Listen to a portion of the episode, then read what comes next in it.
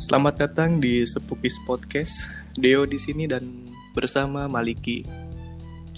Jadi di sini kita mau ngobrol diskusi seputar ekis.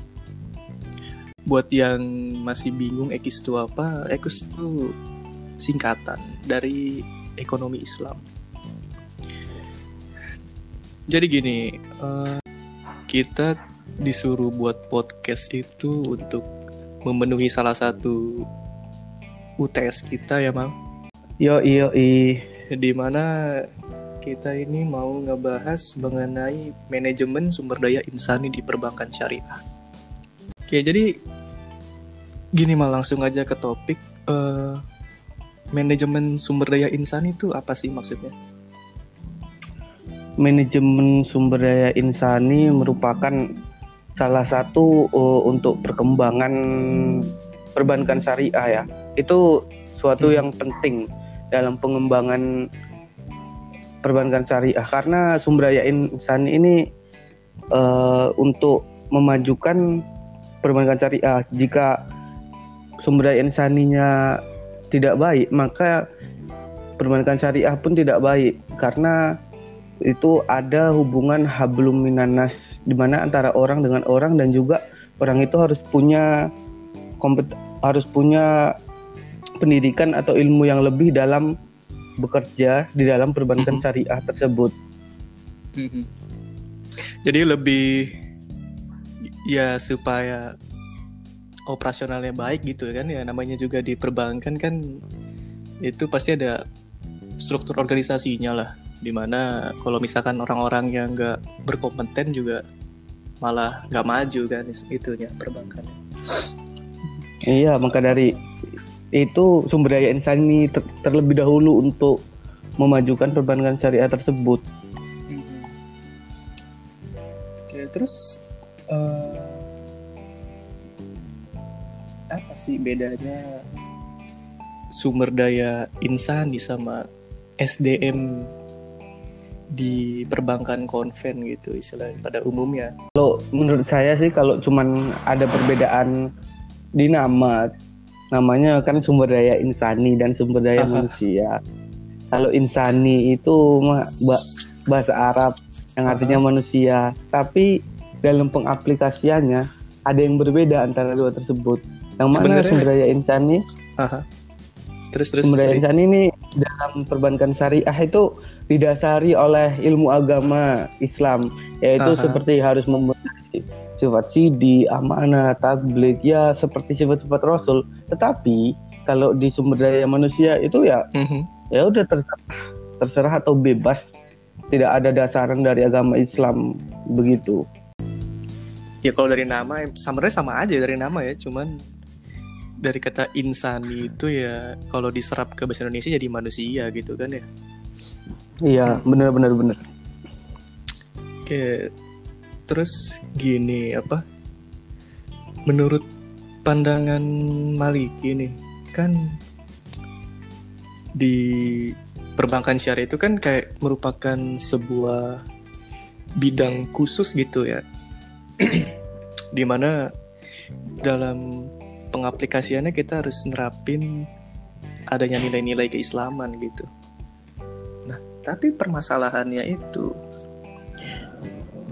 di mana pas aku baca jurnal ya ada uh, penelitian di mana karyawan atau pegawai dari bank konvensional itu eh pegawai dari bank syariah itu sebenarnya cuman pindahan aja dari bank kon berarti kan kayak ya sama aja nggak sih dalam penerapan di bank syariahnya gitu ngerti nggak Oh iya ya. Kayak cuma tuker-tukeran ini aja pemain lah istilahnya kalau di ini kan.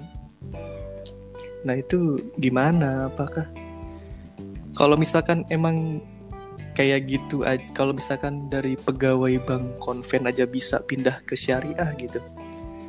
Nah, berarti kan di situ ada pelatihannya lagi nggak sih? Sebelum masuk ke bank syariah itu kayak pelatihan mengenai akad-akad, terus juga mengenai nilai-nilai keislaman, ya kan? Yo yo iya. Berarti nggak harus dari ekonom dari entah misalkan dari sarjana ekonomi Islam dong. Berarti bisa dari program studi apa aja nggak sih? Gimana kira-kira? Nah, kalau menurut saya ya, kenapa bisa perpindahan dari bank konvensional ke bank syariah? Mungkin sekarang ini masih kurangnya SDI. Dari beberapa jurnal yang saya baca juga uh, dari industri perbankan syariah itu masih kurangan mm-hmm. sumber daya insani. Makanya mereka merekrut atau menarik uh, dari bank-bank konvensional untuk mm-hmm. pindah ke bank syariah. Makanya di sini yang penting terutama itu sumber daya insani yang berkualitas.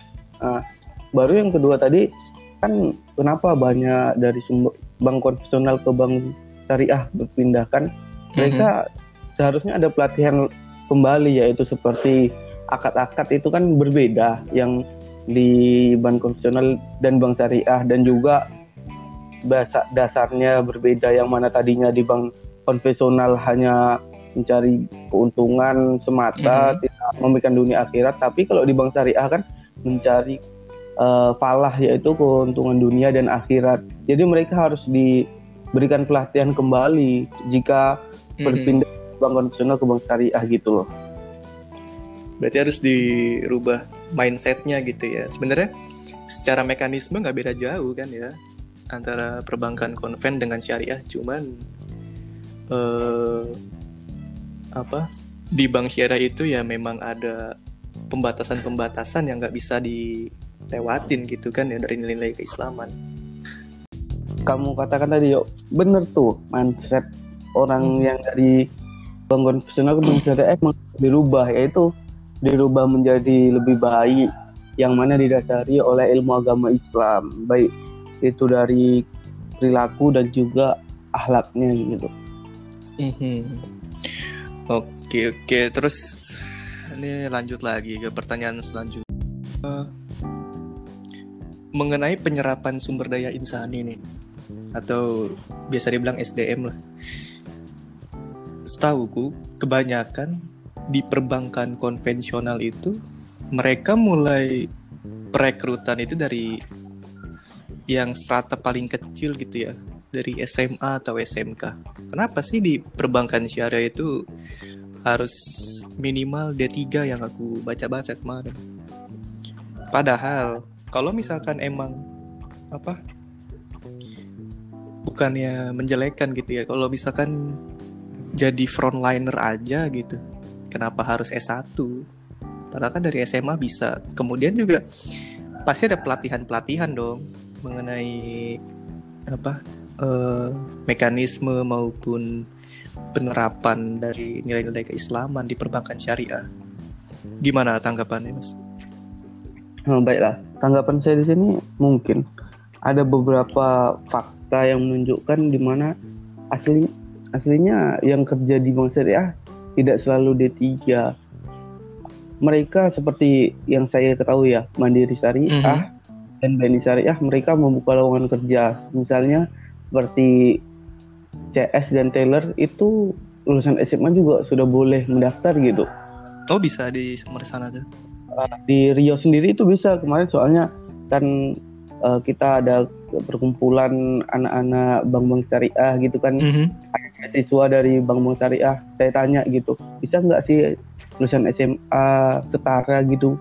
Langsung mm -hmm. daftar di lowongan kerja. Cuman ya bagiannya tidak terlalu tinggi cuman seperti tailor customer service mm -hmm. gitu tapi ada mungkin mereka ada pelatihan kembali soalnya mereka training tiga bulan kalau nggak salah begitu. Tiga bulan nah, iya, itu makanya. Training tiga bulan setelah itu pelatihan lagi. Mungkin ya itu penting sih pelatihan itu untuk menjaga kualitas dari uh, sumber daya insani tersebut. Berarti memang dari SMA pun udah bisa gitu ya buat gabung di perbankan syariah gitu. Meskipun emang cuma jadi frontliner gitu kan. Iya ya mungkin ya kalau perguruan mungkin kalau mau perguruan tinggi kan dari perguruan hmm. tinggi yang mana sudah sarjana mungkin emang kualitasnya lebih bagus gitu kan. Sumber daya kan, ini lebih bagus. Tapi dari proses eh dari mereka mau ngerekrut orang itu dari prodi yang beda-beda nggak harus dari ekis gitu. Iya sih. Kayak Cuman- umum banget. Nah, ya itu. Kenapa kira-kira? Kalau menurut saya ya mungkin mereka ilmunya lebih banyak dari perguruan tinggi dan dasarnya sudah banyak apalagi kan mereka sudah belajar banyak hal dari perguruan tinggi mungkin di situ atau juga akan ada ijazah S1 memungkinkan Oh. mereka lebih eh, lebih tinggi derajatnya daripada anak-anak yang hanya lulusan SMA setara gitu mungkin Oke, oke. wawasannya lebih banyak gitu aja sih yang saya tahu kalau dari Ya eh, mungkin tingkat- dari pola pikirnya kali segala macam ya lebih kritis atau bagaimana. Ada lang, mungkin langsung pertanyaan terakhir aja ya.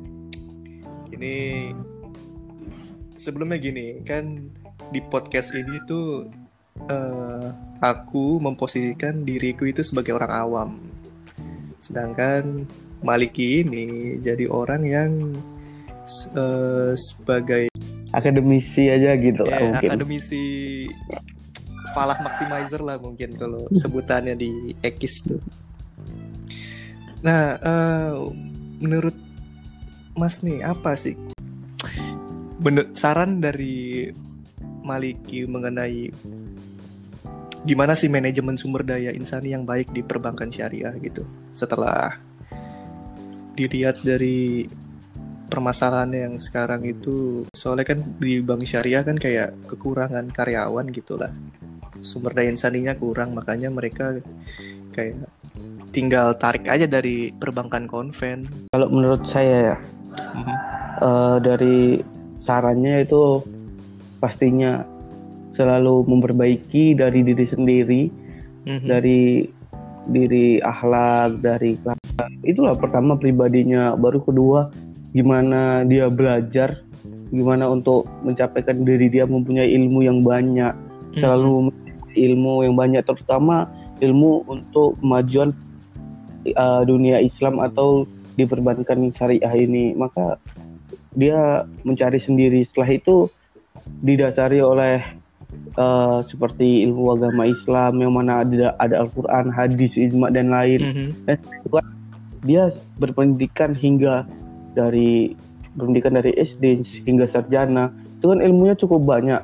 Baik ilmu kehidupan baik ilmu dunia akhirat dan yang lainnya Mhm. maka juga di posisinya pendidikan itu untuk kebaikan sesama atau palah yaitu kebaikan dunia dan kebaikan akhirat maka manajemen sumber daya insani ini dibentuknya dari eh, akhlak orang terlebih dahulu yang mana apabila mereka sudah baik maka eh, dari kelakuan dan kegiatannya juga baik dan juga dari Mhm. potensi pendidik Nah, seperti misalnya di sekolah gimana apabila pendidiknya tidak baik bisa-bisa anak itu tidak baik Mhm. maka juga mm, pendidiknya harus baik dan juga lingkungannya yang mana kalau misalnya kita ulang-ulang misalnya kita contohkan saja apabila kita di lingkungan yang mana orang itu jualan minyak wangi maka Aha. dia terkena terkena wanginya tetapi apabila mereka di lingkungan yang banyak sampah atau kumuh maka dia juga tidak akan wangi maka dia akan kumuh juga begitulah maka sekitar kita lingkungan yang baik Mhm. yaitu apalagi lingkungan yang sudah mengetahui ilmu agama Islam yang mana orang-orang punya eh, mempunyai dasar perbankan syariah itu baik maka Mhm. dia ikut baik juga maka dari sumber daya insani ini sangat penting untuk kemajuan perbankan syariah Oke oke. Ja mungkin untuk kali ini ya sekian lah dari sepukis di episode pertama kita. Ya memang banyak kurangnya segala macam. Menjadi yang pertama itu sulit ya malah. iya siap siap Nggak mudah memang. Gitu aja dari kita. eh, terima kasih buat yang dengerin kalau ada yaudah gitu aja semoga Yoi. ilmu yang diberikan dari Maliki ini dapat bermanfaat buat pendengar semua Ya, Amin. amin. Terima kasih. Wassalamualaikum warahmatullahi wabarakatuh.